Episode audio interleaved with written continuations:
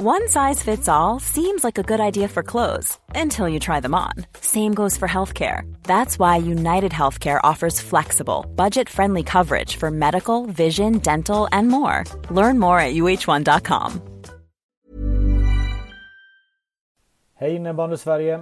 Välkomna till det här avsnittet. Den här gången har vi med oss innebandylegenden, den eh, gamla storspelaren och eh, under många år framgångsrika tränaren Stefan Bagan Smedberg.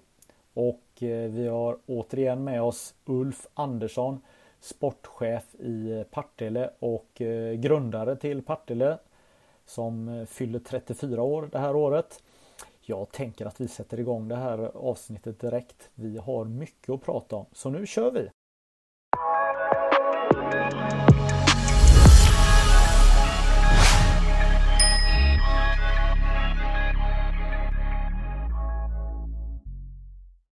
Ja, eh, då hälsar jag välkommen till det här avsnittet. Solen skiner ute och jag har med mig Ulf Andersson från Partille.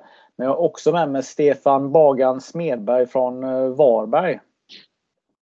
Hallå och välkomna! Tack så mycket! Tackar, tackar! Uh, Ulf, du börjar ju bli uh, tradition här. Det var det tredje gången du är med här nu? Ja, det är nog tredje gången jag är med här. Mm. Sånt, tredje eller fjärde. Ja. Att, mm, ja, fjärde. Jätteuppskattat eh, är det att du är med och pratar. Och eh, nu har jag jättehöga förväntningar på dig Bagan eh, med din entré här i podden. Det är ju första jag gör det här så att jag vet inte, vi får väl se om du, om, om du kallar mig igen så att säga. I och med att Ulf var fyra gånger så måste han vara otroligt intressant så att vi får se om jag får något ytterligare samtal då. Ja, Härligt. Jag tänker att vi går i rätt ordning här. Jag, eh, eh, när jag tänker på, eh, på dig Stefan så tänker jag fortfarande att du heter Pettersson efternamn. Och, eh, men det heter du inte. Och, eh, men för mig så, så eh, känner jag dig först eh, som Stenungsundsspelare på 80-90-talet. Men kan du berätta vem är du och vad har du gjort i innebandyns värld? Om vi börjar med med dig som innebandyspelare? Ja, men det är som du säger, jag började ju på, på 80-talet i, i Stenungsund och det var ju i begynnelsen i stort sett eh, eh, i innebandyn där. Så att eh, vi började egentligen att spela i små hallar, vi spelade tre mot tre och så vidare innan det blev organiserat. Och, eh, sen hade vi två föreningar i, i Stenungsund också eh, där, så, att, så att det var lite rivalitet och det var så, så det hela startade egentligen. Så att, eh, det var min första tid. Eh, spelade i Stenungsund i några år. Sen fick jag faktiskt erbjudande att åka ner till Schweiz som, som spelare. Eh, redan 1993. Det låter helt otroligt men, eh, men så var det. Så att jag var ju bland de första där som fick chansen att, att åka ner till Schweiz. Då. Det var ju ja, Tobbe Jonsson, Fågelberg och någon annan som hade varit det tidigare. Sen, eh, så att jag åkte ner och eh, spelade i Allegato Malans eh, ett år där och det var ju på den, på den tiden när målvakterna hade klubbar till och med i, i, nere i Schweiz. Så att, eh, det var en fantastisk upplevelse då. Eh, men det blev bara en säsong för sen ringde Kjell Mollstedt från Sjöstad ringde till mig och sa att nu är det dags att komma tillbaka till Sverige och till Karlstad. Så att, eh, då flyttade jag till Karlstad och tillbringade ganska många år där och tycker väl kanske att det var mina bästa år som innebandyspelare. Vi, eh, vi hade ett fantastiskt lag i Sjösta och eh, det gick väldigt, väldigt bra för mig också tycker jag. Så att, eh, sen så, så eh, blev det ett år i Västerås. Eh, följde väl med Stefan Mattsson kan man väl säga som blev en god vän till mig under tiden i, i både i Sjösta och senare i Varberg också. Men då följde jag med honom upp till Västerås så det blev en säsong där. Sen ringde en viss eh, Niklas Wilhelmsson från Varberg och eh, ville att jag skulle komma tillbaka till västkusten. Så att eh, flyttade ner 0-0 till Varberg som spelare och eh, var med då när vi fick eh, stryket av Haninge i finalen. Så att eh, det är väl min, min historia som spelare ganska så snabbt. Ja, eh, misstänker att eh, Stefan Mattsson har några assist till dig. Ett utkast och du sticker i djupled och smäller till den eller? Så var det ju och, och, särskilt på den tiden när man fick passa tillbaka till målvakten också så hade vi mycket varianter där, där Stefan skulle ha bollen och kasta till mig. Eh, så att, eh, ja, det blev, eh, det blev någon assist för, för Mattsson där. Mm. Och sen har du varit kvar i innebandyns tjänst mer eller mindre, eller? Ja, det får man väl säga. Eh, jag, eh, efter då 00 när vi mötte Haninge där så så blev jag ju pappa på våren där och bestämde mig för att jag eh, skulle sluta med innebandyn. Men då ringde Claes Karlsson och sa att vi behöver en tränare till, till Varbergs herrlag. Och jag kände väl att herregud, ska jag hoppa på, ett, ett, på den nivån direkt? och jag sa nej. Men eh, efter lite övertalningsförmåga och, och eh, några samtal senare så, så eh, tackade, jag, tackade jag ja till det då. Så att, då tog jag över Varbergs herrar. Eh, och tillbringade två år där. Eh, där vi avslutade med finalen på, på Hovet mot Pixbo där vi fick stordäng helt enkelt. Eh, och sen bar det av igen till Schweiz. Jag och Mattias Bult Larsson åkte ner tillsammans till Algoto Malans, då jag som tränare, han som spelare. Och eh, där nere tillbringade jag fem år som tränare för Algoto Malans. Eh, eh, flyttade hem sen och då var väl egentligen det enda, enda tiden som jag inte hade innebandy. Det var när jag kom hem därifrån. Jag var lite trött på innebandyn och började jobba som bagare igen.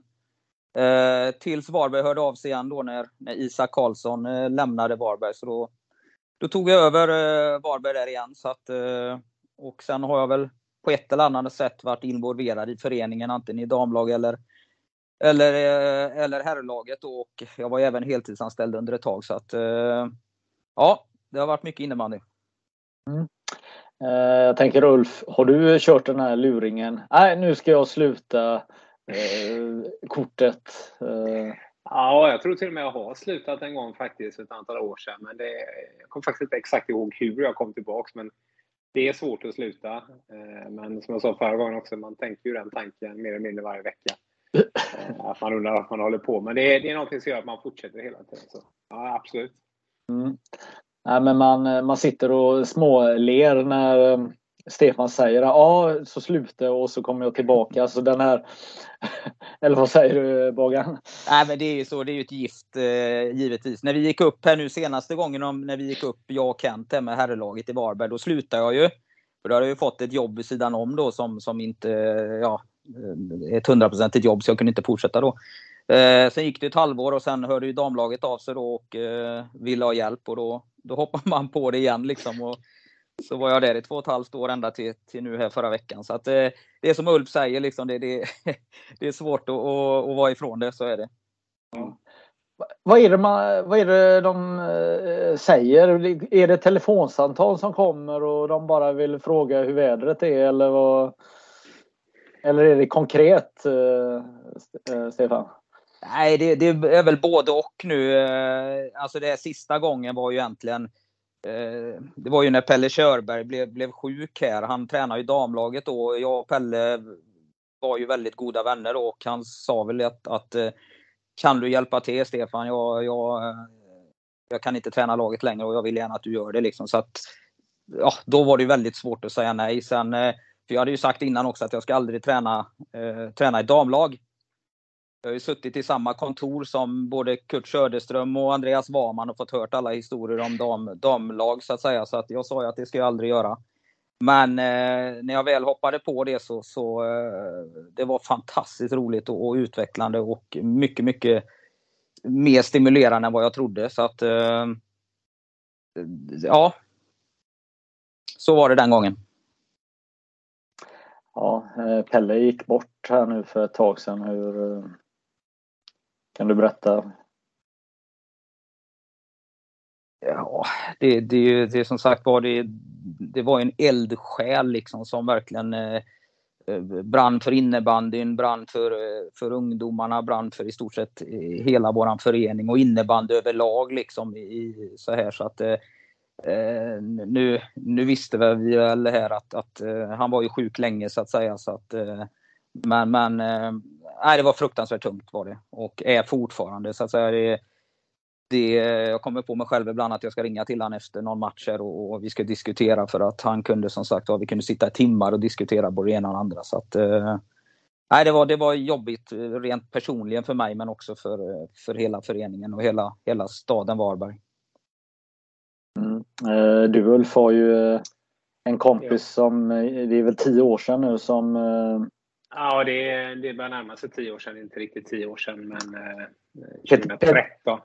2013 var det. Ja, ja, Peter Hultman som var ordförande i, i Göteborgs innebandyförbund och jätteengagerad i din klubb. Det var ni som mm. bildade Partille va? Vi som bildade den 7 februari 1988. Så, han gick ju bort också då. Eh, strax före han skulle fylla 50 år. Så det är, det är ju tungt. I hans fall var det också så att det pågick ju ett tag. Inte fullt så länge som jag förstått att det varit med Pelle då. Jag ska bara säga det om, jag tycker att Pelle Körberg är ju också en av de här personerna som har byggt svensk innebandy liksom. Eh, och det, jag tycker också, de få gångerna jag har träffat honom så det han gjorde var att han också satte en helt ny dimension på hur man jobbar med det kommersiellt och eventmässigt och sådana saker som jag tycker han bidrar med enormt då. Förutom det som Stefan sa precis, att det är en otrolig förlust för eh, svensk innebandy. Eh, så ytterligare en av de här som kanske inte är med längre och i hans fall så är han inte med överhuvudtaget. Om, tragiskt nog, men det är en hel del från den generationen och den tiden också som var med och byggde svensk innebandy som inte är med längre och ibland kan jag sakna det drivet och den passionen och det engagemanget som fanns brett. Eh, och det såg jag ju hos Pelle eh, när han visade upp Varberg och man fick gå runt och det var event och så vidare. Och sådana saker. Så att, nej, otroligt tråkigt. Absolut. Jag tänker att vi ska prata lite allt möjligt här eh, som har med innebandy att göra. Och, eh, idag när vi eh, spelar in det här avsnittet så eh, gick Svenska innebandyförbundet ut med att man har 7000 förbokade eh, platser eh, bokade till, eh, till SM-finalen och då är det en månad kvar till finalen. Vad, hur känner vi för SM-finalen? Alltså, alltså, jag kände som jag sa förra gången, jag kände för SM, för jag tror fortfarande att konceptet är helt rätt. Jag, jag skulle ta den här frågan lite vidare. Att jag tycker jag ser det på väldigt många event inom innebandyn just nu, att det är svårt att få tillbaka de publiksiffrorna som man hade innan. Det ser jag ju till och med på vår lilla nivå, att det är inte lika lätt att få folk att börja komma och titta på matcherna igen. Eh, det tycker jag ser även när jag ser vissa elitklubbar som normalt sett har högre publiksiffror. Då. Så att jag tror att det är en process att få folk att komma tillbaks. Eh, så det är nog en del. Jag tror inte liksom det stavas så mycket i, i något annat kanske just nu. Eh, egentligen. men jag måste bara fråga, hur många biljetter är reserverade till de två finallagen? För de är väl inte inräknade i de här, eller är de det? Nej, det är ingen som Eller vet. fyra lagen då givetvis eftersom det är dam också då. Men, men, eh, men... Ja, det, det är väl... Eh, man pratar inte om sålda biljetter här utan man pratar om 7100 reserverade biljetter. Eh, okay. Och, det, och det är en månad kvar då. Nej, det det är klart, är det så att de inte har, har liksom, nu som du säger då att, att de har reserverat att det, att det är till de här två finallagen eller fyra finallagen, det är klart att då, ja, då hade man väl gärna sett att det, det hade varit några till kan jag säga. Mm. Mm. Tror vi pratade förra gången om det här och eh, det faktumet att eh, VM-finalen i, som var i Finland här att att det var den första matchen där man tog eh, bra betalt för sina finalbiljetter. Nu så är ju många biljetter säljer man ju som föreningsbiljetter till ungdomar här till den här finalen så det blir ju inte den här extrema intäktskällan på, på biljettförsäljningen. Alltså det är ju inga eh, att man betalar någonstans 600-700 kronor för en biljett eller ännu mer som man gör när man går på en konsert eh, tänker jag i, i Globen eller i Skandinavium eller var man nu går någonstans.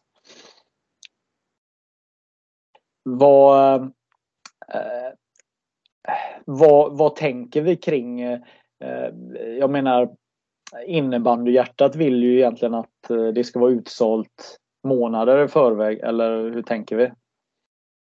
Nej, men det är klart att det är dit vi vill komma och så, men, jag, jag vill gå tillbaka till vad jag sa förut. Jag tror liksom att om du tittar på vissa SSL-matcher idag där eh, Storvreta som ett bra exempel ligger kanske på 800-900 istället för att ligga på 1500 innan pandemin på likvärdiga matcher. Jag tror att liksom 7000 är ju halva kapaciteten nästan av, av eh, Globen. Jag tycker man kan ställa sig frågan, kommer vi ens rimligen nå fullsatt? Det, det kanske inte är rimligt.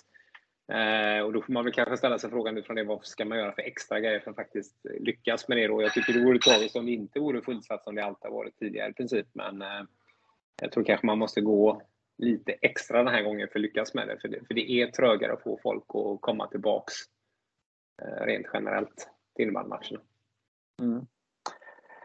Eh, jag har en liten lista här med ämnen här som vi kan eh, prata om. Eh, gäller samma regelbok i kval och var går gränsen för att man ska släppa på och låta spelarna göra upp? Alltså vad, vad tänker vi kring där vi befinner oss nu? Nu är det kvaltider, det är slutspelstider. Uh, Ulf, vad, vad, vad, tänker du kring detta? Alltså, jag, jag har ganska bestämda åsikter om det. Jag tycker absolut man kan släppa på, man ska tillåta kamp och det kan till och med få bli mer fysiskt och så vidare. Så, men de matcherna som jag har sett hittills, eh, och det kopplar lite till mina egna matcher men även andra matcher, att det, det, blir ju fulare. Det blir extremt mycket fulare. Det är tydliga efterslängar, det är extremt mycket mer slag. Eh, det är extremt mycket mer liksom situationer när man går våldsamt in och så vidare. Kontrollerat eller okontrollerat, halkat eller inte halkat, eh, så är det väldigt mycket mer av den varan. Eh, det tycker jag ju inte är något jag vill se i ett slutspel. Att det ska få vara kamp, att man ska få göra upp, man ska blåsa sönder matcherna, att man ska liksom skuldra mot skuldra, det ska kunna liksom få närkontakt och kroppskontakt och så vidare. Och fysiskt, det tycker jag absolut. Men jag tycker att jag ser att, att man har svårt ibland eh, att hantera vad som är att släppa på. Eh, jag tror att de är mycket bättre på elitnivå att klara av det här domarna. De få gångerna vi får förmånen att få Håkan Söderman ner som domare så blir man ju nästan tårögd. Han hanterar ju det med sin kollega Daniel Hultberg. Eh, men det är svårare för på lägre ner på nivå att faktiskt förstå vad är att släppa på. Så det är, eh, jag tycker att det går lite, det ligger lite på gränsen att gå överstyr mellan varven, att det faktiskt blir skador och så vidare. Så, så det, det Absolut släppa på definitivt, men definitivt inte släppa igenom sådana här rena överfall och nedsparkningar och grejer som jag faktiskt ser en hel del av. Hur tänker du eh, Stefan som både har varit med om kvalspel och eh, eh, SM-slutspel genom åren. Just det att det blir en lite annan regelbok och att varje match är på liv och död. Nej, men det är klart att givetvis så blir det det. Men ibland så tycker jag liksom att det bara helt plötsligt för att det blir slutspel eller blir kval liksom, så ska det, är det okej. Okay, liksom. men, men jag tror att det, jag har en annan punkt där som vi kommer att diskutera senare. Den hänger ihop lite grann med det här, precis som Ulf också säger. Liksom, att jag tycker att det börjar bli lite, lite fulare. Eh, lite mer fasthållningar. De försöker liksom att dra fördelar av saker och ting och sånt där. Så att eh, det är väl det jag kan, kan, kan se lite att det, det börjar att eh, bli lite för mycket sådana grejer liksom. Så att eh, det vill jag ju stävja då och det, det kommer vi diskutera i nästa, i den, i den punkten så jag med det liksom. För att jag, jag tror det hänger ihop med, med, med domarna så att säga där. Eh. Men som sagt det kan vi diskutera senare i sådana fall eller? Nej eller, men vi tar, ta, vad, vad var det du funderade berätta? Nej men det, det är ju liksom när jag började, när jag började spela innebandy, när det nästan var gå-innebandy, så hade vi två domare på banan och det, är liksom, det var inga större problem. De hann med det mesta. Liksom. Men utvecklingen har ju gått enormt framåt. Det går ju så mycket, mycket snabbare nu allting och det är mycket tuffare, mycket hårdare. Men det okej, okay, visst domarna har också blivit bättre, det säger jag ingenting om. Men det vi utsätter domarna för, för idag, det är fan inte enkelt för dem. Liksom. De har det otroligt svårt att hänga med allting och precis det är vi är inne på nu då, att helt plötsligt så börjar spelarna försöka utnyttja det också med att filma lite. De ska hålla fast det eh, ena med det andra. Liksom det, det är inte lätt för domarna att, hänga med här. Det är därför jag har eh, pratat väldigt många år här om ett tredomarsystem liksom för att underlätta för domarna. För jag, jag skulle inte vilja byta med de eh, domarna. Alltså, absolut inte. De gör fantastiskt eh, vad de gör. Men, men jag tycker inte de får förutsättningar nu för att, för att göra ett hundraprocentigt jobb. Jag tycker inte det. Nej. Idag då har vi ju två domare och det har vi haft nu sedan innebandyn uppfanns eh, kan man säga, den typ av innebandy vi spelar. Eh, sedan 80-talet då. Vi har två domare och de kan ta beslut överallt på banan eh, oavsett var de placerar sig. Men om du skulle förklara för alla som tittar och lyssnar på det här. Vad är det du menar? Vad, vad ska den tredje domaren vara? Vad, vad, är den, vad har den för någon roll? Ja, men det, det, det här handlar ju, jag menar, det, nu har jag bara tittat det senaste bara här liksom där, där de inte ser, domarna ser inte alla situationer. Så antingen så får man ju liksom acceptera bara det att, att liksom domarna inte riktigt eh, klarar av allting liksom för att det går för snabbt eh, överhuvudtaget. Så att, eh, eller så får vi helt enkelt försöka få in en domare till och att de har sen, sen exakt liksom vad om de ska ha olika ansvarsområden eller om de ska ha zoner på banan och så vidare. Det, det tycker jag är jätteintressant att diskutera. Men för just nu så har de för stora ytor att kontrollera för att hinna med allting. För det går så enormt snabbt allting här liksom. Och de, eh, de, ska, de ska titta på, på så enormt mycket grejer och det, det, det, de hinner inte det, så enkelt är det. Så att eh, Ja, men, men vad, sen... vad, vad, ska, vad ska den tredje domaren vara? Ska han vara på läktaren? Ska han vara på plan? Vad, ska han vara på mittplan? Ska han... Ja, men det tycker jag vi ska diskutera. Att, att vilket för att komma fram till det bästa. Liksom. För jag kan inte säga exakt att han ska göra det. Men jag tycker att diskussionen måste börja. Liksom. Sen om han ska sitta med ett headset på läktaren eller om han ska vara på planen. Det, det, det tycker jag vi ska diskutera fram. Liksom. Men jag tycker nu liksom, när man hör också mycket gnällandet på domarna som jag tycker är, är, är, är det inte, det är inte okej okay, för jag tycker inte de har de bästa förutsättningarna. Så att det tycker jag att vi ska diskutera. Sen kan inte jag säga om, den ska, om han ska stå eller hon ska stå där eller där. Men vi måste få fram en diskussion för jag tror att spelet kommer inte bli långsammare här eh, de kommande åren. Liksom. Det kommer bli ännu tuffare, det kommer gå ännu snabbare. Och, nej, jag, jag, Mm. Nej, men det är, det är väldigt intressant för att eh, domarna är ju väldigt utsatta. Eh, jag, hade, jag har haft förmån att eh, prata med lite olika SSL-domare bara för några, några dagar sedan eller veckor sedan och där, där där de berättar hur utsatta de är inför slutspel och under slutspel. Att gör man ett misstag så blir man bortplockad. Alltså det, det är en väldig stress för, för, för många, framförallt då om man är på väg upp. Är man etta, tvåa så kanske man man, man kan hantera ett, ett misstag. Men, men sen, sen har du också situationer, jag såg en match eh, live här i, i, slutspelet. Det var andra matchen mellan Pixbo och, och, och Växjö och eh, domarna fick ju uppförsbacke eh, ganska tidigt i matchen och eh, fick kämpa hela, hela matchen. Och, och det märker ju spelarna och ledarna av och då utnyttjar man ju situationen och försöker sätta ännu mer press på, på spelarna och så ska domarna lite kompensera så man ligger ett steg efter. Och Det hände en situation där Pixbos målvakt då, Jon gör en filmning Eh, för att han känner att, att det finns möjlighet att påverka domaren här och nu blev han ju inte avstängd. Men å andra sidan så hade vi en situation där, det, där man på plats såg att en spelare halkar och eh, klyver en spelare.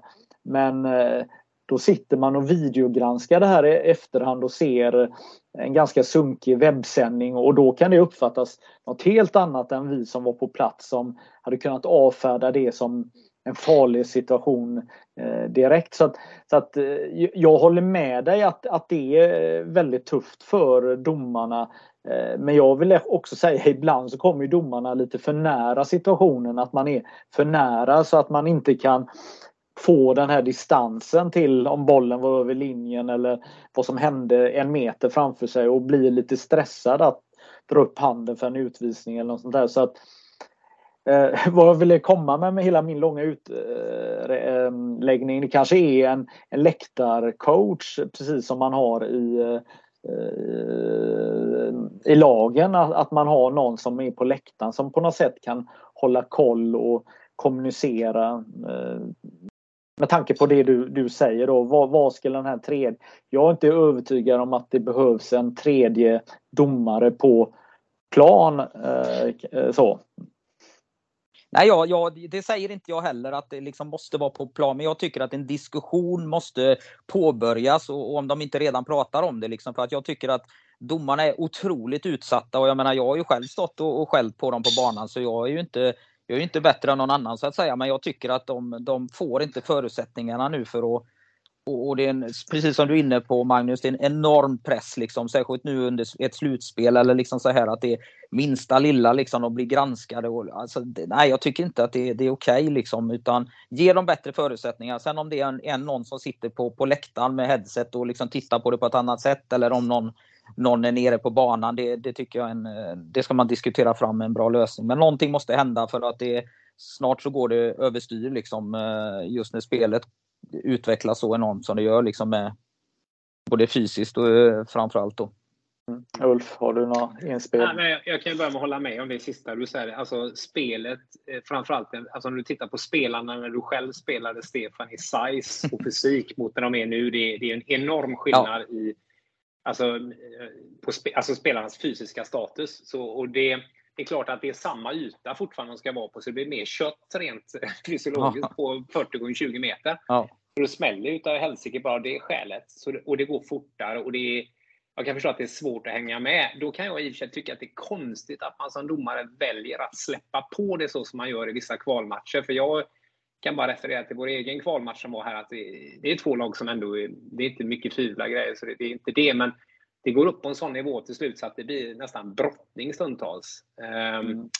Eh, och det är ju liksom ändå bra domare som hanterar det, men jag kan tycka att problemet är ju att Dels är problem, jag, jag kanske inte riktigt är med på det här med tre domare. Jag tror väldigt mycket på det här att ha en tredje domare som kanske kan vara en speaking partner i pauserna. Och sitter och ser det på lite distans. För jag tror när man är nere i den här 40 x 20 kött, eh, kötteriet som pågår så svårt kanske man dras med i det. Men att man får någon att prata med i pausen och så. För vad jag upplever ibland är jobbigt eh, är ju att det svänger väldigt mycket under matchen i nivåer och att det kommer ut med det ena eller andra istället för att liksom man kommer ut med en känsla där att man missar saker. Det tycker jag är helt okej. Det tror jag de flesta köper in på. Men att om det börjar gå ett håll, åt ett håll och det fortsätter åt det hållet och inte kan korrigera det under 60 minuter. Det, ty det tycker jag är kanske mm. problemet. Jag, jag ser också en jättestor skillnad mellan hur det är på den högsta nivån och nivån något skikt eller två ner i attityd och förberedelse och professionalism då kring det här. Eh, så jag tror liksom att det jag skulle vilja jobba med mer kring det här, det är att ge domarna förutsättningar kring att faktiskt få utvecklas. Eh, coachning, eh, få hjälp med saker, hur man jobbar med samarbete, hur man jobbar med, med ledarskap så leder matchen rent ledarmässigt. Så här. Jag, jag, tror mer på att, jag är mer undrar hur vi jobbar med att utveckla domarna. För att vi jobbar ju med att utveckla spelarna fyra, fem gånger i veckan. Konsekvent på alla möjliga plan. Eh, så jag tror mer att satsa kanske på det då. Eh, och sen eh, håller jag, det, det som jag liksom egentligen tycker är problemet just nu med den frågan vi börjar med då, det, det är det att jag tycker ju fortfarande att det är den här diskussionen om att släppa på, absolut, ett kval, det ska inte blåsa sönder, det ska vara flyt i spelet. Men det kan ju inte vara så att vi släpper rena kapningar. Där man sparkar ner folk eller man tacklar folk i ryggen eller eh, högt upp med klubbor och så vidare. Och det tycker jag väl kanske är det jag känner är det som är det man bara har ögonen på framförallt när man går in i de här slutspelstiderna nu. Mm.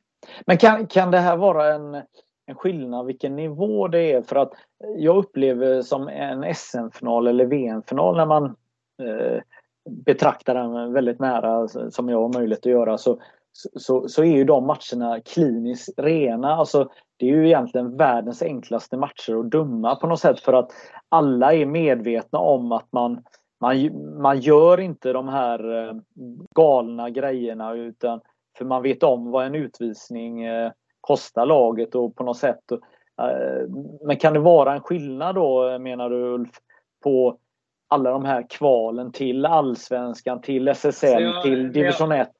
Eller vad? Absolut. Nej, men absolut. Jag upplever att precis som att svenska superligan, som jag sa förra avsnittet, det är liksom de, lag, de tio lagen som är där, topp 10, det är, det är väldigt svårt att slå sig in där. Det är ett väldigt stort steg upp. Eh, och på samma sätt tror jag det är på domarnivån. Jag tycker att de domarna som dömer på svenska superliganivån och högsta nivån på allsvenskan är ju ett väldigt stort steg före längre ner. Eh, så det, är skillnad såklart i den utvecklingen. Så det intressanta är ju att jobba med, med talangutveckling på domarsidan. För att ett, de ska få rätt förutsättningar. Hur ska de få den hjälpen de behöver för att faktiskt hinna med den här utvecklingen som är? Eh, jag tycker också den här jag personligen själv aldrig varit intresserad av att granska enstaka situationer till död och pina. Jag är, jag är mer intresserad av hur en matchbild ser ut över 60 minuter. Och hur den mm. svänger och vad man kommer ut Jag kan ju tycka det är förvånansvärt när det kan finnas lag som är bollförande och vinner skotten med 40-10 och vinner matchen med 5-1 men kommer ut med 6-2 och de andra fick en. Det, det händer ju inte i en annan idrott. Eh, så jag tycker liksom hur man balanserar det sett över 60 minuter, det kan jag tycka vi fortfarande har problem med. Och det här Eh, du sa det här bland annat också om att du tycker en VM-final är det enklaste som finns att döma. Jag tycker Sverige-Finland nu var ju en extremt intressant match, men det börjar ju med en rejäl tackling. Eh, om inte jag missminner mig, från Sankell eh, i Sverige. Eh, där jag, i varje fall min syn är ju att det inte är frislag, utan det är ju någonting helt annat. Eh, så jag, men det är min personliga uppfattning. Jag har ganska länge tyckt de här sakerna och det kanske inte relaterar till domarna utan relaterar mer till vad vi, vart vi vill ha vår sport ta vägen mm. någonstans.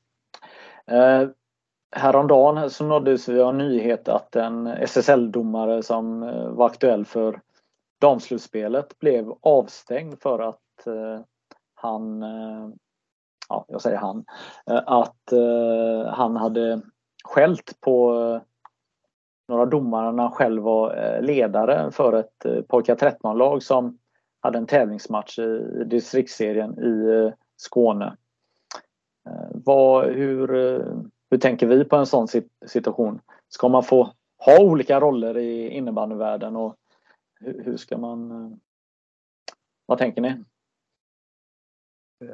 Ja, alltså nu är det ju svårt liksom. Jag vet ju egentligen inte så mycket om det, men om vi bara generellt så så är det klart att eh, jag tycker det inte okej okay någonstans. Liksom. Ska vi få upp domare här som, som, som vill döma liksom, så, så måste ju framförallt egentligen alla personer, men framförallt de som, som själv är, är, är domare, liksom, föregå med gott exempel. Och, eh, händer det grejer nu som inte han, den domaren är nöjd med, liksom, så ta då i periodpausen eller efter matchen liksom, och, och lugnt och sansat liksom ge konstruktiv kritik liksom, så att de kan bli bättre till nästa gång om det nu är det det handlar om. Så att utan att veta exakt vad som hänt, men i mina, mina eh, öron är det, är det aldrig okej okay, liksom och, eh, och bete sig på det sättet. Nej, jag kan bara hålla med om det. Jag tycker också personligen när man kommer till pojkar 13 eh, eller 12 eller i mitt fall och så är det ju så är det ju som så att, att eh, intresset för domarinsatsen tycker jag ska vara minimalt faktiskt. Det är mer att man utbildar killarna och tjejerna att de gör rätt på banan och försöker hålla lugn profil. Jag kan förstå att man har den typen av utspel om man är på väg upp i Allsvenskan, herr eller SSL, herr eller dam. Att det liksom är mycket känslor och hissen går och det blir fel. Men i pojkar 12, eh, flickor 12, 13, 14. Det, det, det, är ju... Jag kan många gånger tycka att de här som dömer dessutom på de nivån, det är ju ofta föreningsdomare som själva spelar och det är ju de man gärna vill ska bli domare. Alltså, det var ju så det började en gång. Eh, att man har spelat själv, man kanske inte var tillräckligt duktig, eller så tyckte man det var roligare, och så blev man domare. Då har man ju en viss grad av spelförståelse med sig. Man har förståelse för vad spelarna och ledarna utsätts för när man inte vinner en match som man ville vinna i cupen. Så, så att, det är väl jättebra om man kan måna om de individerna och få dem att vilja fortsätta som domare. Det tror jag faktiskt hade varit en framgång för att skapa bättre förutsättningar för att få fler domare, för det är ju ändå grundproblemet. Så att, nej, det är ju riktigt illa om man ger sig på liksom, sådana här föreningsdistriktsdomare på låg pojk och flicknivå. Det känns ju inte alls rätt på något sätt. Nej, eh, så om det är det. Är så. Jag vet ja, inte heller den här situationen. Men, eh, men eh, ska man kunna ha olika roller? Jag menar, jag är ju helt, jag menar, jag, det är väl klart att det har brunnit flera gånger eh, i huvudet när man varit ledare. Så. Och, och, jag gissar att, att det har gjort det någon gång för er också. Så. Men, och det går ju alltid att hänvisa till vem man är. Jag menar, eh, Stefan, du har ju eh, förflutet som proffsspelare och, och framgångsrik tränare och ditten och datten och du Ulf har varit inne i smeten och, och även jag. Ibland kan man ju få det, det, tillbaka på sig att man inte har, har rätt att få komma med synpunkter och eh, ja. Eller vad, hur tänker vi? Förstår ni vad jag försöker? Eh, ja, ja, kör du Ulf. Ja, nej men alltså jag tycker alltså det är så länge man inte utövar en roll för att få fördel så tycker jag inte det är något problem. Det är klart om du är domaransvarig och är på att hacka på en 17-årig domare så är det ju direkt olämpligt såklart. Ja. Men jag menar, om jag råkar vara, eh, vara ansvarig för distriktslaget då, då är det kanske heller inte lämpligt. Men jag, jag, tycker det beror på vilken roll det är lite grann, alltså hur man blandar ihop det där. Mm. Jag tycker det är snarare bra att man har en bredd i idrotten, att vi har fler som har, eh, jag kan tycka tillbaka på domarna igen, att det är många domare på lägre nivå som har kommit in som kanske inte har en bakgrund som spelare eller ledare själva och då får de ju börja med att förstå spelet. För innebandy ser man inte lika naturligt som åskådare som man gör på fotboll. Så att, nej, jag tycker en, en bredd i det tycker jag bara är bra faktiskt. Man kan balansera det. Uh, vi har de här di disciplinärerna som eh, dyker upp. Eh, hur, hur, snabbt tycker vi att eh, de ska hanteras? I det här fallet med den här domarsituationen eh, så, så gick det bara på någon timme från eh, händelsen till att han var bortplockad. Men när det händer saker i som inte har med en domare att göra, vad, hur, hur ska vi hur, hur, hur lång tid ska saker ta tycker vi? Nej, men om vi tänker nu på det som hände med, med Pixbo-spelarna till exempel, eller om det är det du menar nu med, med anmälningar och så vidare, att, att det, det måste gå oerhört fort nu i och med att det är ett slutspel och eh, det kan ju ha otroligt stor betydelse här nu att, ja till exempel för målvakten i Pixbo, liksom om han skulle ha blivit avstängd en eller två matcher på grund av att det liksom inte kommer ett beslut. Det kan ju vara, det kan vara helt avgörande om Pixbo går vidare eller inte. Så att det måste bara liksom granskas och ta, ta, tas beslut oerhört snabbt. Jag håller med. Eh, alltså, eh, återigen, jag tror svenska hockeyligan, där eh, har man ett beslut morgonen efter på alla matchstraff på kvällen innan. Det kanske inte vi klarar av riktigt, men alltså inom 48 timmar ska det vara utrett och klart tycker jag. Jag tror att domarna har en tidsfrist på sig om det är 12 timmar eller 24 på att faktiskt få in en skrivelse. Och jag tror att de flesta klubbarna och spelarna som har fått en, en anmälan till bestraffning är nog väldigt intresserade av att snabbt svara också. Så att man borde kunna vända runt det där på två, tre dagar och det borde vara ganska enkelt att ta besluten också. Så att, eh, och det tycker jag gäller oavsett om det är kval, slutspel eller seriespel. Jag har ju ett exempel från vår serie där det tog 18 dagar för en spelare att få sitt straff. Eh, det innebär att han har ju tillräckligt sett kunnat hinna spela två, tre matcher och han har coronaflyttat kan han spela ytterligare någon. Så att det är klart att det måste gå jättefort. Eh, det borde, det borde kunna gå att lösa ganska enkelt tycker jag. Ja, nej, men jag måste bara, jag kan få bara, jag är inte så insatt just i, i, eh, hur, hur, det går till så att säga. Men, men om jag fattar det rätt nu så, så de första som granskade är nu vad den nämnden heter och det vet jag inte riktigt. Men där de kom fram till egentligen att det är matchstraff 3 på, på bägge situationerna och så går det vidare sen då. Så, alltså vad, vad, vad är, vad, gör, vad, vad, är det de gör för bedömning, de som det gick till först så att säga, eftersom nästa instans liksom kan bestämma Alltså vad, vad, vad, har, vad är det för funktionen på de första, om du förstår vad jag menar? Eh, jag som inte är jätteinsatt i det. Förstår du vad jag, vad jag, min fråga? Ja, pekar du på mig nu Magnus? Ja, ja. Det kan ju, kan ju ändras, men alltså, så här är, det finns ju en administrerande myndighet för de här eh, beroende på vilken, vilken alltså om det är en distriktsserie pojkar 12 i Halland eller om det är eh, Allsvenskan herrar södra av Varberg så är det ju olika instanser. Ja. Och då går det till någon form av disciplin, en disciplingrupp, vad de nu heter. Jag tror det är hon eh, Linda Noppa eller något sånt där heter hon, som är ansvarig för den. Det spelar ingen större roll. Men då, då, det, då, tar man ju in yttranden från alla och så tar man ett beslut. Och sen kan man ju då överklaga detta och då går det till Riksidrottsnämnden. Alltså det är ju över alla specialidrottsförbund så vitt jag förstår. Och eh, det de tittar på generellt sett är väl bara man har begått formfel. Alltså typ man har prejudicerande fall där man har sagt att det är alltid tio matcher för det här och helt plötsligt friar man. Eller att man har struntat att ta in yttrande från någon part eller missat någon handläggningstid eller sånt där. Eh, så egentligen så tror jag bara att det går till den här eh, disciplinnämnden eller gruppen eller vad det heter som tar det. Och Just nu så är väl min upplevelse att vad gäller svenska superligan så hanteras detta ändå relativt fort. Men ju längre ner man kommer så kan det ta en väldigt lång tid. Och som sagt var, det här fallet som jag pratar om nu så handlar det om David Sitonen i Mölndal. Där tog det 18 dagar i slutet av serien för en klubb som är på väg att gå till kvalspel. Eh, det är klart att det är ju inte en handläggningstid som är okej. Eh, men eh, ja, jag vet faktiskt inte varför, om det handlar om resurser och så. Men jag tycker ju att, jag vet inte hur många matcher man har per helg. Eh, om man tänker sig på förbundstäckande nivå då, men det kan ju inte vara så vansinnigt många. Så att ha beslut på ett par, tre dagar vore ju inte orimligt i varje fall. Eller åtminstone innan nästa match. Nej, Nej det, det, det är intressant också. Ehm, eh, nu är ju matcherna relativt enkelt filmade om man säger så. Om vi tar i slutspelet hittills där så har vi den här matchen mellan Pixbo och, och Växjö. Där är det ju egentligen bara en kamera som fångar upp det så att, så att eh, om man vill fälla någon så är det ju synd att man inte har fler vinklar som, som mm. kan eh, bättra på den här storyn om att det här var en, eh, eh, något farligt. Min, spontana reaktion var ju det här eh, med, med Pixbo-målvakten här då som riskerar att bli avstängd för att han hade filmat. Och, och, och så tänker man, är det, min första tanke var ju, eller jag visste inte hela vägen om, oj kan man bli avstängd för att man filmar? Men är det ett straff som Eh, nu förstår jag att det är svårt att, stänga av någon för en filmning. Eh, det inser jag att det är svårt att kunna bevisa det eh, faktiskt. Men, men en eller två matcher är det väl verkligen för en filmning? Är, är, det, är det en straffskala som är rimlig på något sätt?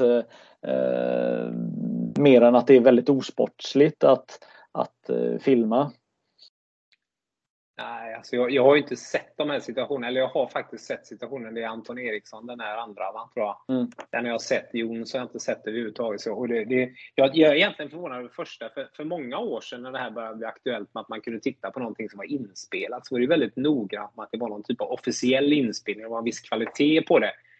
Jag vet inte om man har gått ifrån det, men det känns ju inte som att vissa av de här filmerna som kommer in är väldigt tydliga. De är filmade väldigt långt bort och sådär. Eh, så det är svårt att använda som bevismaterial. Vad gäller filmning i allmänhet så visste jag faktiskt inte heller ens att man kunde få matchstraff för det. Eller klart, det kanske man kan, men det känns ju lite eh, spontant långsökt kanske. Jag kan ju bara hålla med. Liksom. Det är klart att ingen vill ju ha filmningar men, men, men vi kan inte hålla på att stänga av en spelare en, två matcher för att han filmar. Liksom. Sen kan man diskutera då om det ska vara en utvisning för filmning två minuter till exempel. Det, det, det tycker jag låter mer rimligt liksom, i det här fallet då att Pixbo ska ha Eh, kanske då, men, men, men å andra sidan då, då, då ska de ju fatta det beslutet direkt. Ser de om det är en filmning eller gör de det inte? Liksom. Och då, det är då man ska ha den tredje domaren som, eh, som ja. avgör det. Ja. vem, vem, vem, också. Ja, men vem, vem, ja. ska be, vem ska betala den här tredje domaren? För han jobbar ju inte gratis. Nej, det gör han inte. Och det måste man väl också med i diskussionerna vem som, eh, vem som ska betala och, och så vidare. Men eh, som sagt jag tror att eh, våran, våran produkt liksom utvecklas fortfarande enormt mycket så att vi måste få med det om vi ska kunna ha en säljande produkt här framöver. Mm. Eh, Stefan eh, Smedberg, jag vet att du har en annan punkt som eh, du eh, irriterar dig över. Det är när domaren har gjort det här tecknet över huvudet, eh, man har händerna i kors. Då blir det straff. Och då har vi någonting i innebandy som heter Zorro-straff. Och eh, Berätta, ja. vad, vad, vad känner Nej, du? Jag, jag, bara känner att det, det är för, förlöjliga våran sport liksom. Eh, på något sätt när man ser dem nästan eh, eh, direkt, eh, i alla fall när de kommer hälften, alltså kommer fram till, till, till, hälften så att säga, drar upp den och så börjar de eh, snurra fram och tillbaka, fram och tillbaka. Liksom det, det, för mig är det liksom bara, nu vet inte jag om jag är gammalmodig, det, det är mycket möjligt, men, men jag känner bara att det, det, det förlöjligar sporten och eh, Eh, Eh, sätter målvakt, alltså allting. Det kommer liksom bli, eh, nej, jag vet inte var det ska sluta. Jag tycker bara det, det, det är löjligt trams. Faktiskt.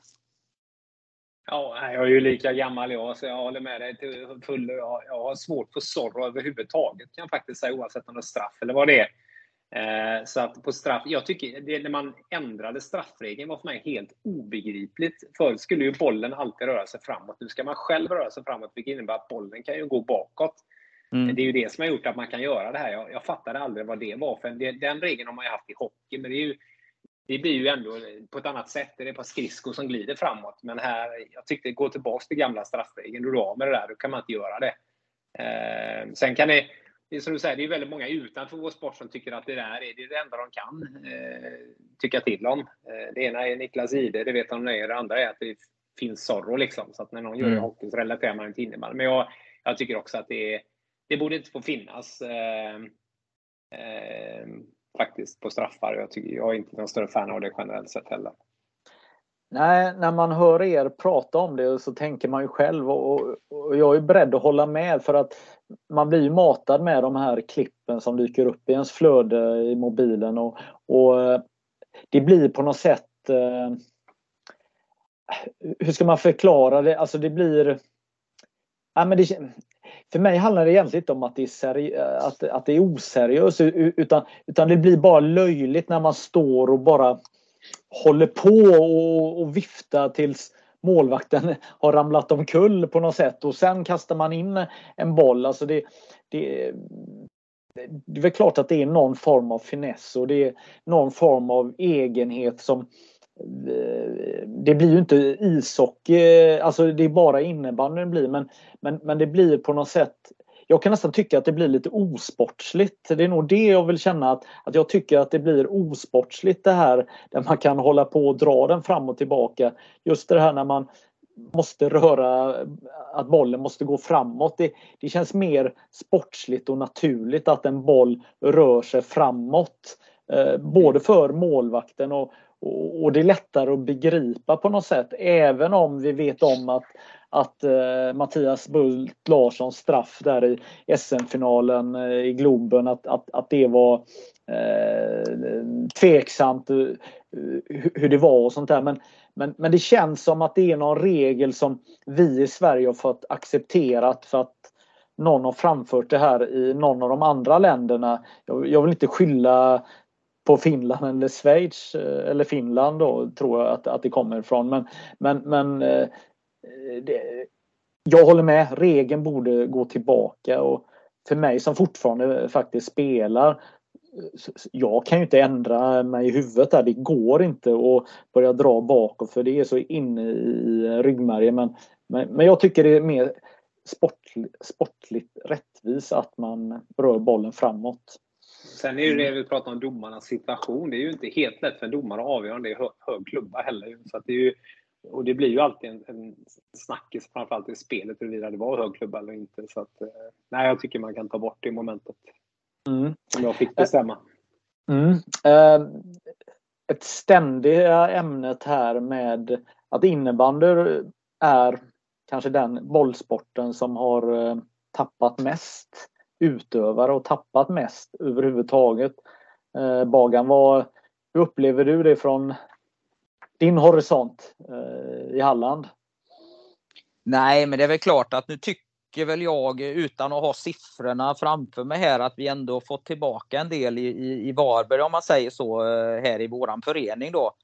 Eh, men som sagt var, det, det är ju ett jätteproblem med, med det liksom. De har ju upptäckt massa andra saker eh, eh, ungdomarna och, och, oftast är det ju den åldern som det är jävligt känsligt där det, där det, där det är mycket andra saker också. Liksom. Så att det, det står vi inför ett, ett, eh, ett jätte eh, vad ska jag säga, bekymmer eller problem och det gäller ju inte bara föreningarna att de vill ha tillbaka med, medlemmar eller ungdomarna utan det är ju ungdomarna i sig liksom som, som vi, jag är rädd för att vi kommer se någonting här framöver när de, när de slutar röra på sig liksom för att eh, det är oftast inte så att de börjar och, alltså att de går tillbaka till fotbollen eh, om de har spelat innebandy förut, liksom att de byter där utan det handlar ju om att de slutar idrotta liksom. Och, mm. och det tror jag vi kommer se ur, ur eh, samhällssynpunkt ett, ett jätteproblem. Ja, jag eh, har eh, Igår var jag på match med min ena son då, som spelar i pojkar 09 och, och de mötte Eh, Eh, Lindome då, en, en stabil förening i Göteborgsområdet. Och ledarna berättar där att de har haft fritt fall i pojkar 05, 06, 07, 08 och 09 så de är, har blivit nästan bara ett lag. Och då är det en sån här gedigen breddförening då som, som, som har haft fritt fall under pandemin här och, och har samlat ihop alla stackare i, i ett eller två lag då. Eh, Eh, man blir så ledsen på något sätt eh, och jätteorolig.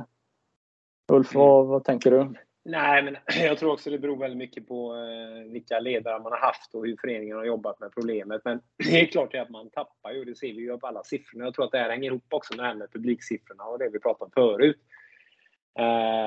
Vi har inte sett det i Partille på samma sätt. Jag har inte sett det lika, jag har inte sett det alls faktiskt i min egen kull och, och inte på det sättet som du beskriver det. Men det är väl olika omständigheter vad det har funnits för andra alternativ. Vad finns det för fotbollsklubbar i närområdet som har hållit igång och så vidare? För de har ju kunnat hålla igång mer eller mindre hela tiden, fotbollsklubbarna. Eh, faktiskt, mm. även när det var som värst. Så att, det är klart, eh, man kan ha tappat i andra idrotter och sen kan man ha tappat de här som inte vill hålla på med, eh, med eller som inte, som inte har annat att göra helt enkelt. Så det är klart att man ser lite grann, men, men inte så dramatiskt för oss som du beskriver i varje fall. Nej. Eh, nu befinner vi oss i den här eh, slutspelsbubblan, kvalbubblan. Vi behöver inte gå in så mycket eh, på, på kvalsituationer och sånt för det är så mycket som, som händer just nu när vi spelar in och, och, och sådär. Men, men hur, hur tacklar man det här i, i, i, i klubbarna? Helt plötsligt så blir det ju matcher två, tre gånger i veckan från att varit Eh, det här systemet egentligen med en match i veckan. Var, eh, alla är överens om att det är skitkul men hur, hur, hur är det att vara i den här bubblan? Jag tycker att det är fantastiskt och spelarna tycker också naturligtvis att det är fantastiskt. Det som jag kan känna är ju när man är som tränare så, så, så faller ju en hel del träningar bort emellan när det blir så tajt matchande liksom och det är saker man behöver träna på och, och, och, eh, och, så här. Så det är väl det som kan vara lite negativt. Men å andra sidan så är det ju, är det ju ett slutspel, det är matcher varannan dag. Det är, det är ju häftigt alltså. Så att, eh, det är precis som du säger, man går in i sin, i sin, i sin bubbla eh, på ett sätt som, som jag är, som jag tycker är fantastiskt stimulerande. Alltså.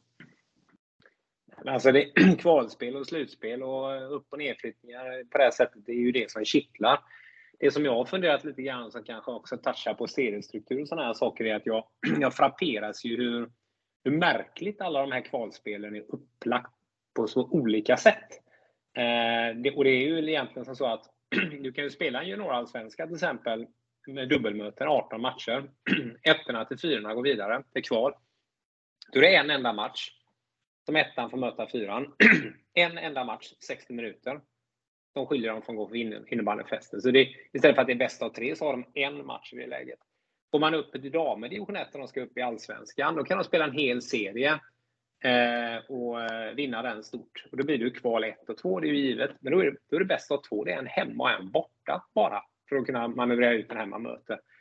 Går man upp ytterligare ett steg till herrettan, eller det är ju samma nivå då, men det är ju förbundsnivå, så, så då är det bäst av tre helt plötsligt.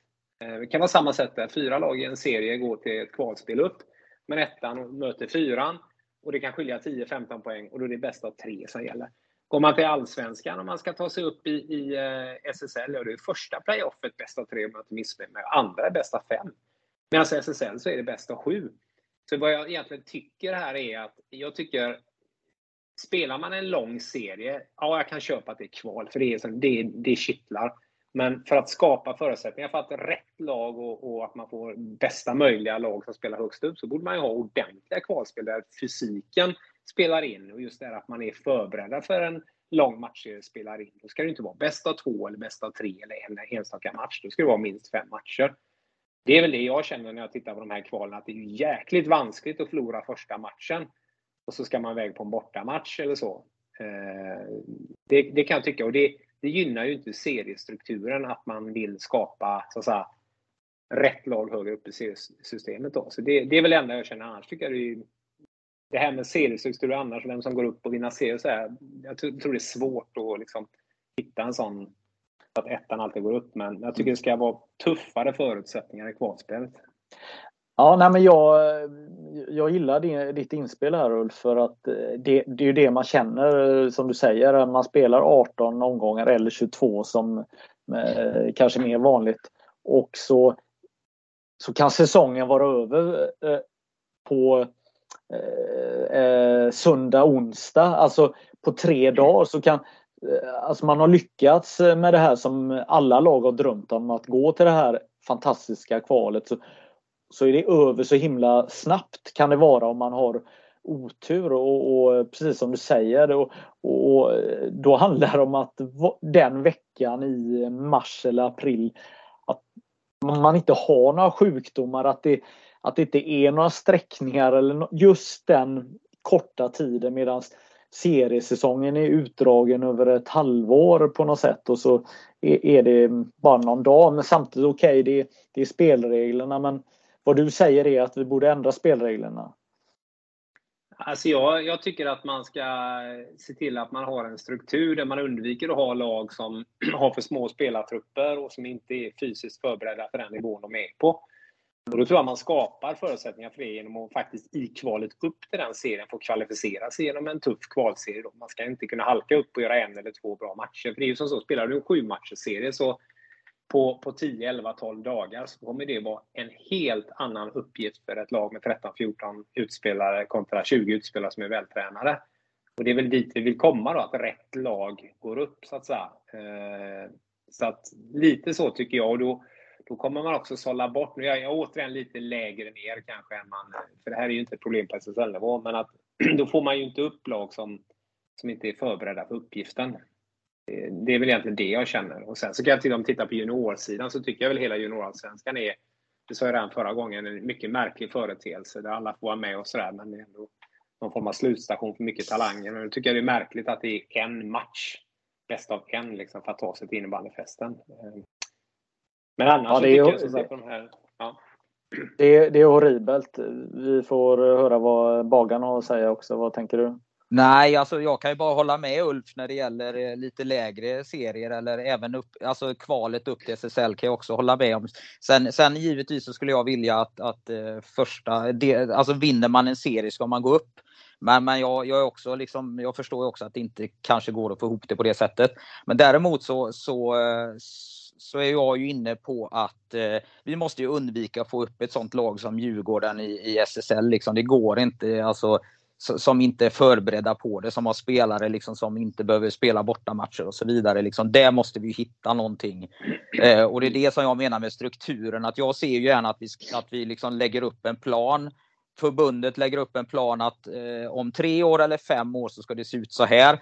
Eh, om det är mindre, mindre lag i SSL eh, som spelar mer matcher mot varandra, att det är en, en allsvenska bara liksom. Så att, att man får tre eller fem år på sig liksom och vet om förutsättningarna, så här är det. Eh, det, det. det, måste ställas högre krav för att spela. Jag menar nu, jag har ju varit och tittat på Varbergs matcher här i Allsvenskan. Liksom, det är ju, det är ju, jag vet inte om jag ska skratta eller gråta tyvärr liksom, när man ser dem komma, vissa lag med, med, med, med få spelare i truppen och de, de har inte tränat och så vidare. och så vidare och Det är näst högsta serien. Liksom. Det, det, nej, jag, jag, jag skulle vilja göra om det. Men, men jag förstår Hur vill att... du ha det då? Hur vill du ha det då? Vad, hur, vad ska vi ha? Jag skulle vilja ha eh, två, två lag mindre i, i högsta serien. Uh, nu, nu pratar jag först och främst här om, om herrarna. Då. damerna ska givetvis också med på det. Liksom. Sen är ju frågan om man liksom kan göra exakt samma med damerna eller om de liksom måste ha en lite längre plan. Det vet jag inte eftersom de ligger på fler allsvenska serier nu än vad herrarna gör. Men det ska ju gå hand i hand liksom, på något sätt. Där. Uh, så, så, jag skulle vilja se och sen skulle jag vilja också se en allsvenska bara. Eh, på herrarna då. Och eh, sen under det, det, det, det, vet jag inte riktigt med division 1-serier och så. Det kan jag inte exakt säga hur många. Men, men däremot så skulle jag vilja att några stycken kunniga satte sig ner liksom och hade en lite längre plan. Liksom. För jag förstår att man inte kan göra det här från en säsong till en annan. Utan om det nu är tre år eller fem år, liksom, då ska det se ut så här. Liksom, så alla har, har liksom förutsättningar och eh, kunna förbereda sig på det. Framförallt organisatoriskt också. Liksom. Jag tycker att det, nu går det upp lag i SSL liksom, som, inte, som inte har organisation för det. Liksom. Och det märker man också. Liksom. Det, det, det funkar liksom inte. Jag tycker att det ska vi liksom eh, få, få, få seriös, eh, att våran, våran idrott ska bli seriös hela vägen så, så, så måste vi höja kvaliteten på, eh, på både lag och föreningar och organisationer. Liksom. Det, det, det är min uppfattning eh, om det. Mm. Jag kan förstå frustrationen då eh, när man befinner sig i Varberg som är lite, har varit eh, lite emellan eh, de här två ligorna nu fram och tillbaka här och mm, man är en elitklubb eh, i allsvenskan och så ser man hur, hur verkligheten är. Uh, ja men alltså jag, jag okej okay, visst Varberg men nu bortser jag från, alltså jag, jag pratar inte i egenskap utav, utav att jag har ett blått hjärta för Varberg utan det är allmänt känner jag liksom att uh, det, jag blir bestött när jag ser ett sånt lag som Djurgården som går upp liksom. Sen kan man ju diskutera ja men de vinner sina matcher och går upp. Liksom. Ja, men då kanske vi ska titta på lite grann det som Ulf är inne på, liksom, just med kvalet. Då, liksom. Ska man göra det ännu tuffare liksom, för att verkligen de bästa mm. lagen går upp som har förutsättningar, som har organisation, som har eh, breda trupper. Som liksom det här, så här. Så jag tycker det, det borde ses om allting liksom, för att få det eh, för att få det bättre överlag. Eh, mm. Tycker jag. För jag tycker inte det, det, jag tycker inte det är tillräckligt bra just nu. Nej, men det är väl klart att det är eh, jobbigt. Alltså, jag menar när man har Djurgården som, som klubb som på sin topp 10-lista, en av de jobbiga sakerna med att driva sitt lag det är att få någon att sitta i sekretariatet. Om det är med på topp 10 av jobbiga saker att lösa, det är väl klart att Eh, Eh, då måste en klubb ha gigantiska utmaningar att, att befinna sig på den här nivån. Så det är ingen överraskning att, att vi visste om det här att, eh, att Djurgården var jätteihåliga som, eh, som förening på den här nivån. Men att de hade spelare med skills som är otroligt duktiga som lyckades nå där. Så att jag hör, jag hör vad ni säger men är det alltid lösningen att banta allt? Alltså att, att bli färre lag? För någonstans så behöver man ju också ha derbyn. Eh, alltså, Nej, jag, tror en, att, kan, ja. jag tror inte det är kanske banta som det, om jag uppfattar dig rätt Stefan. Kanske det, det är att du vill ha kvalitet på dem som är med. Du vill slippa se de här som lufsar in i hallen och det ser ut som något som man har dragit ihop en stund innan matchstart. Utan det ska vara en väldigt hög nivå på det. Och det, sen om det är 16 lag eller 14, alltså jag tycker sådär, har vi 16 lag i Sverige som håller den nivån så kan vi mycket väl ha 16 lag. Jag tycker inte det är ett självändamål att det ska vara 10. Men har vi 10 så kanske det är 10. Men det man borde fundera på är hur kommer vi dit då? Jag tror grundproblemet, det finns ju två dimensioner. Det ena är ju föreningen, och ekonomi och organisation. Det kan man verkligen diskutera jättelänge. Hur gör man det då för att det ska bli en stabil förening?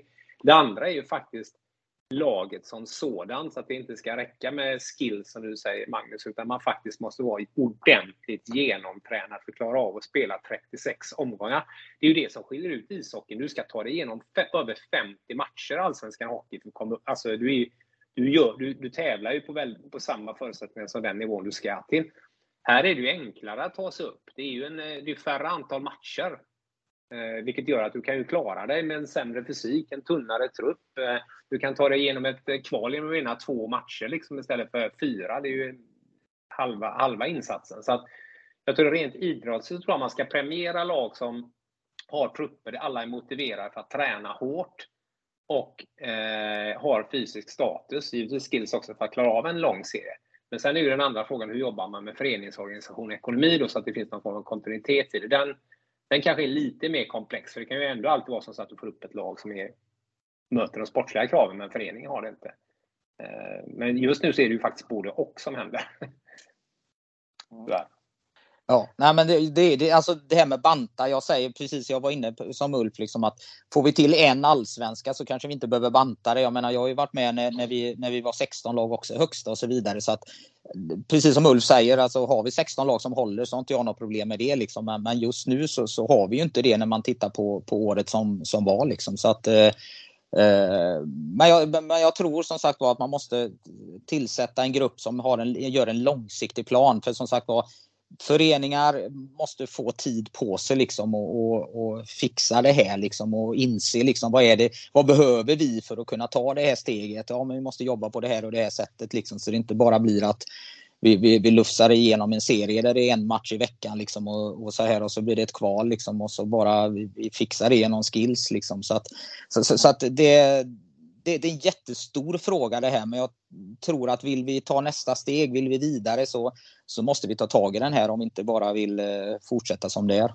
Nej. Nej, jag vill stryka under det du säger om den långsiktiga planen. Man tänker, alltså man ger förutsättningar för att faktiskt långsiktigt förändra detta. Så att man bara inför någonting efter ett eller två år. Sen så ändrar man igen efter fyra, fem år. Utan man få med hela, hela grejen faktiskt. Och jag, jag tycker faktiskt att jag ser exakt det här fenomenet som du pratar om, Stefan. Det ser jag på alla nivåer. Uppenbarligen även SSL då, med de här lagen mm. som är så mycket sämre. Det ja. finns i Allsvenskan, säger du. Jag ser det absolut i division 1. Mm. Alltså det är ju skikt i alla serier. Det vill säga det finns lag i toppen på den ena sidan som är klart bättre än den övre. Och det, så, det ser man ju inte i andra idrotter på samma sätt. Nej. Eh, och det är ju det man vill komma till rätta med tycker jag. Och då är frågan om man tar sig dit. Mm. Eh, jag tänker så här att vi är i slutet av eh, det här samtalet. Vi har ju, vi skulle kunna prata i, i timmar om, om, om innebandy här. Ett litet inspel bara det här med när man befinner sig i, i slutspels om vi pratar slutspel och kval. Det, det positiva är ju att produkten blir ju ganska attraktiv. Att vi att publiken och alla vet om att nu kommer det matcher tätt. Man behöver inte oroa sig att nästa hemmamatch är om fyra veckor utan, utan det är matcher ofta. Det är hemma borta och sånt där och det ju, gör ju sporten väldigt attraktiv att, att följa de här slutspelen då. Om man bor på en ort så, så, så är det ganska ofta det blir matcher och det är ju, är, är ju jäkligt positivt. Jag, jag tänker att vi inte fortsätter det här eh, samtalet så mycket. Jag vet Ulf, du ska iväg på pojkar 0 ja. Träning alldeles strax. Eh, vad har du för roll där? Är du... Jag är tränare faktiskt där tillsammans med tre kollegor. Så vi har, eh, vi har tre lag i seriespel och 30 spelare. Så vi har inte sett något tapp där än. Men det, Nej. det är väldigt kul. Nej. Ja. Och jag själv har en match om eh, tre timmar. Och dagen har hittills handlat om att få ihop eh, tio gubbar, alltså tio utespelare. Det är kört. Så just nu är vi åtta utespelare men jag vill gärna ha in en nionde spelare så att vi i alla fall kan köra på tre backar och två centrar och köra Eh, ja, två, eller två eh, kedjor då. Men, så, så att det är ju mitt dilemma som spelande tränare hela tiden. Det här spelare som inte vill eh, vara med och det är ditten och datten. Idag fick jag ett sms av att en skulle börja spela någon jävla paddelserie och hans, klubb, hans klubba gick sönder i förra matchen. Och det här är en gammal elitspelare som, som, eh, som ja, jag vet inte om han dyker upp och sen så är det två som är iväg på eh, skidresa och är solbrända precis som du nu Stefan. Mm. Så, så, att, ja, så, så, det är ett dilemma. Men har du någonting eh, Stefan med innebandy idag? Du, ja, det är Varberg som kvalar va? Ja, det är det. Men jag gjorde ju min sista, sista eh, match här i, i, eh, i lördags med tjejerna då. Så att nu har jag faktiskt ingenting med innebandyn att göra här. Så att jag vet liksom inte riktigt vad, vad som kommer att hända i, i framtiden. Men just nu har jag inget uppdrag och jag har ingenting som... Utan nu ska jag titta på matchen ikväll, Varberg här, eh, som, som å, åskådare och med ett blått hjärta. Ja, bara, bara snabbt här med damerna. Det var uppdraget att klara kvar laget i SSL? Uppdraget var att, att, hänga kvar. Så att eh, nu får de ju två nya tränare som ska ta, ta, ta dem vidare så att säga. Men mitt uppdrag var att hänga kvar och det gjorde vi. Så att, eh, Mm. Ja, eh, ja. ja, om vi bara snabbt här avslutar här. Vad, vad, vilka tror vi når SM-finalen på herr och damsidan? Det här blir sista punkten, tänker jag. Vad, Nej, bara, kan... med, med damerna då? Du är... Nej, men jag, jag kan inte se någonting annat än att eh, Pixbo och Thorén skulle spela final. Det är jättetråkigt att behöva säga det för jag hade gärna sagt någonting annat. Men det, det, det, det om de bara spelar på sin nivå så är det ingen som, som eh, kommer åt dem. Så är det bara. Hur tråkigt den är att, att behöva säga det säger du Ulf, på damerna? Jag håller med. Jag tycker att SSL dam i år har varit extremt uppskiktad i det toppskiktet med de två. Och sen är det en stor hög med lag som är ganska jämnbra, kan slå alla. Men jag har svårt att se någon annan än TG och Pix på en final. Och de här sena värvningarna i eh, exempelvis Endre och, och, och, och Rumby, de, eller Rumby och Endre kan inte skaka de här eller vad, vad tror vi? Nej, jag tror, nu har jag ju mött dem, jag tror Endre har för, de har för dåligt försvarsspel, Endre. Eh, däremot så är de ju bra med bollen, Endre. Men de är för dåliga utan bollen, eh, anser jag då, för att mm. kunna gå hela vägen. Eh, Rönnby har för ungt, orutinerat gäng för att ta he hela vägen. Jag tror att inom ett par år så kommer Rönnby kunna vara där, men än så länge så, så, så mm. har de inte riktigt det som krävs. Nej. Och, och, och, jag tror att eh, sådana här sena värvningar vinner man inte SM-guld på. De kan man kanske göra för att möjligen hänga kvar och sånt där. Men man går inte hela vägen med sånt. Det tror jag extremt få fall det är så. Nej. Och Ulf, på herrsidan så tror du Storvreta Falun eller? Alltså, jag trodde ju inte det initialt. Falun trodde jag absolut på, men eh, jag trodde inte så mycket på Storvreta efter vad jag sett i slutet på serien. Men eh, efter att ha sett inledningen på slutspel nu så skulle det faktiskt inte förvåna mig om de inte möts innan dock. Att det faktiskt blir dem igen. Eh, men jag tror faktiskt att Pixbo kan vara där och ställa till en hel del, inte minst för Växjö. Men jag tror faktiskt att Falun och Storvreta kommer i final igen. Fagan, vad tror du? Nej, ja, precis lite som Ulf inne på Pixbo här känns som att de kom in i slutspelet precis som man vill komma in. Liksom. Det på, de klarade det på slutet och nu helt plötsligt så leder de med 2-1 och har fått en enorm god känsla i laget liksom och, och kan flyta på på det här. Så att, eh, ja, jag höjer en varningsfinger för, för Pixbo faktiskt. Mm. Eh, det beror ju på mycket. Jag håller med. På damsidan känns det och herrsidan handlar ju också lite om vilka val som görs i en mm. eventuell mm. semifinal också som, mm. som, som, som, som, som, påverkar. Det, det, eh, Pixbo har jag möjlighet att följa lite närmare än några av de andra lagen. Jag har en känsla av att de har någonting eh, väldigt fin kvalitet, spetskvalitet. Det, det, är den här jämnheten och tyngden som de eh, behöver jobba med. För man har eh, en fantastisk målvakt och så har man faktiskt några riktigt vassa killar så de, de kan ställa till det men de ska orka göra det he, hela vägen här. Men det är fortfarande uppe tycker jag eh, på, på alla platser eh, egentligen. Men Helsingborg, eh, Kalmarsund där. Det är ju jättetufft där hur det ska gå. Men det, det ska bli intressant när man kommer fram i semifinalbiten. Men jag, jag är inne som på Ulf. Det kan bli det här vanliga som vi har vant oss de sista tio åren. Storvreta, Varberg, eller vad säger jag, Storvreta, Falun, var, var, ja, Det var lite som Varberg och AIK på, eh, mm. ja, eh, för länge sedan. Men du som har varit med länge Magnus, jag, har det varit så här ovisst i alla, eh, så att säga, inför ett slutspel som det var i år? Jag tyckte ändå det var liksom eh, jädrigt eh, liksom oklart eh, faktiskt. Eh, I vanliga fall så brukar det alltid vara liksom ganska givet även om det kan bli någonting. Men nu känns det liksom men ja. alltså det, det, det är lite, det är lite, det kändes, vi ska inte blanda in andra sporter, men det känns lite ishockey över det hela. Egentligen var det bara Pixbo som inte hade chans att komma etta eller tvåa till, till sjua mm. utan, utan alla andra lag, det var ju bara de sista två matcherna som avgjorde om du kom tvåa eller sjua. Och Eh, det, det gör ju att det är öppet och vi, vi som kan vår hockey vet ju att HV71 lyckades så bra en gång när de kom åtta i ett mm. slutspel. Så att, så att mm. Eh, om damerna är ganska utstakade så är ju herrarna mm. ganska öppet tycker jag faktiskt. Eh, Ja, men jag håller med. Det, mm. det, jag tror aldrig jag varit med om att det varit så ovisst i serien. Alltså, du kan även räkna med TG och Dalen var ju med och nafsade på detta. Så att det är ju mm. tio lag egentligen. Så att det, att jag säger Storvreta Falun är mest att sen när, när slutspelet börjar så tycker jag både Falun och Storvreta, Falun är ju som de är, men att Storvreta övertygar mycket mer än vad jag hade förväntat mig. Nu förlorar de väl ikväll bara för det då. Men, ja.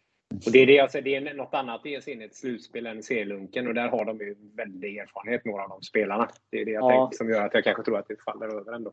Mm. Men, det, men det är ju ändå väldigt att spela bäst av sju matcher. Alltså det är ju jäkla tungt. Alltså att man, man gör en drömmatch och sen två dagar efter så är det en ny match. Och sen är det en match till och sen en till. Alltså, alltså det, det, det är ju tufft att sen sätta sig och åka samma resa som man bara gjorde mm. för fyra dagar sedan. Att man är mm. tillbaka på ruta ett. Så att, så att det, det, det, det är jäkligt tufft med de här sju matcherna men, när man väl sätter sig in ja, i det. Men nu är vi inne på det lite grann som vi diskuterade förut också. Jag menar det ska vara jobbigt att ta ett SM-guld. Det ska liksom verkligen vara det bästa laget.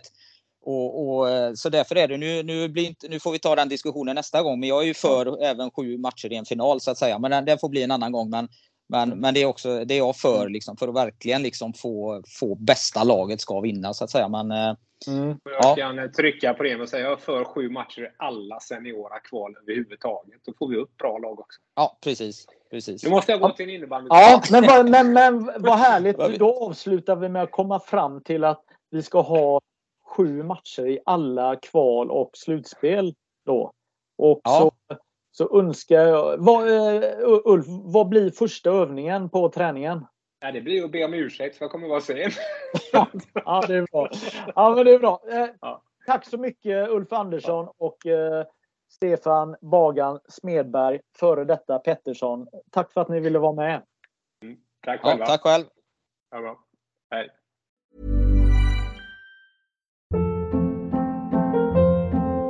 Hold up. What was that? Boring. No flavor. That was as bad as those leftovers you ate all week. Kiki Palmer here, and it's time to say hello to something fresh and guilt-free. Hello Fresh. Jazz up dinner with pecan-crusted chicken or garlic butter shrimp scampi. Now that's music to my mouth. Hello Fresh. Let's get this dinner party started. Discover all the delicious possibilities at hellofresh.com.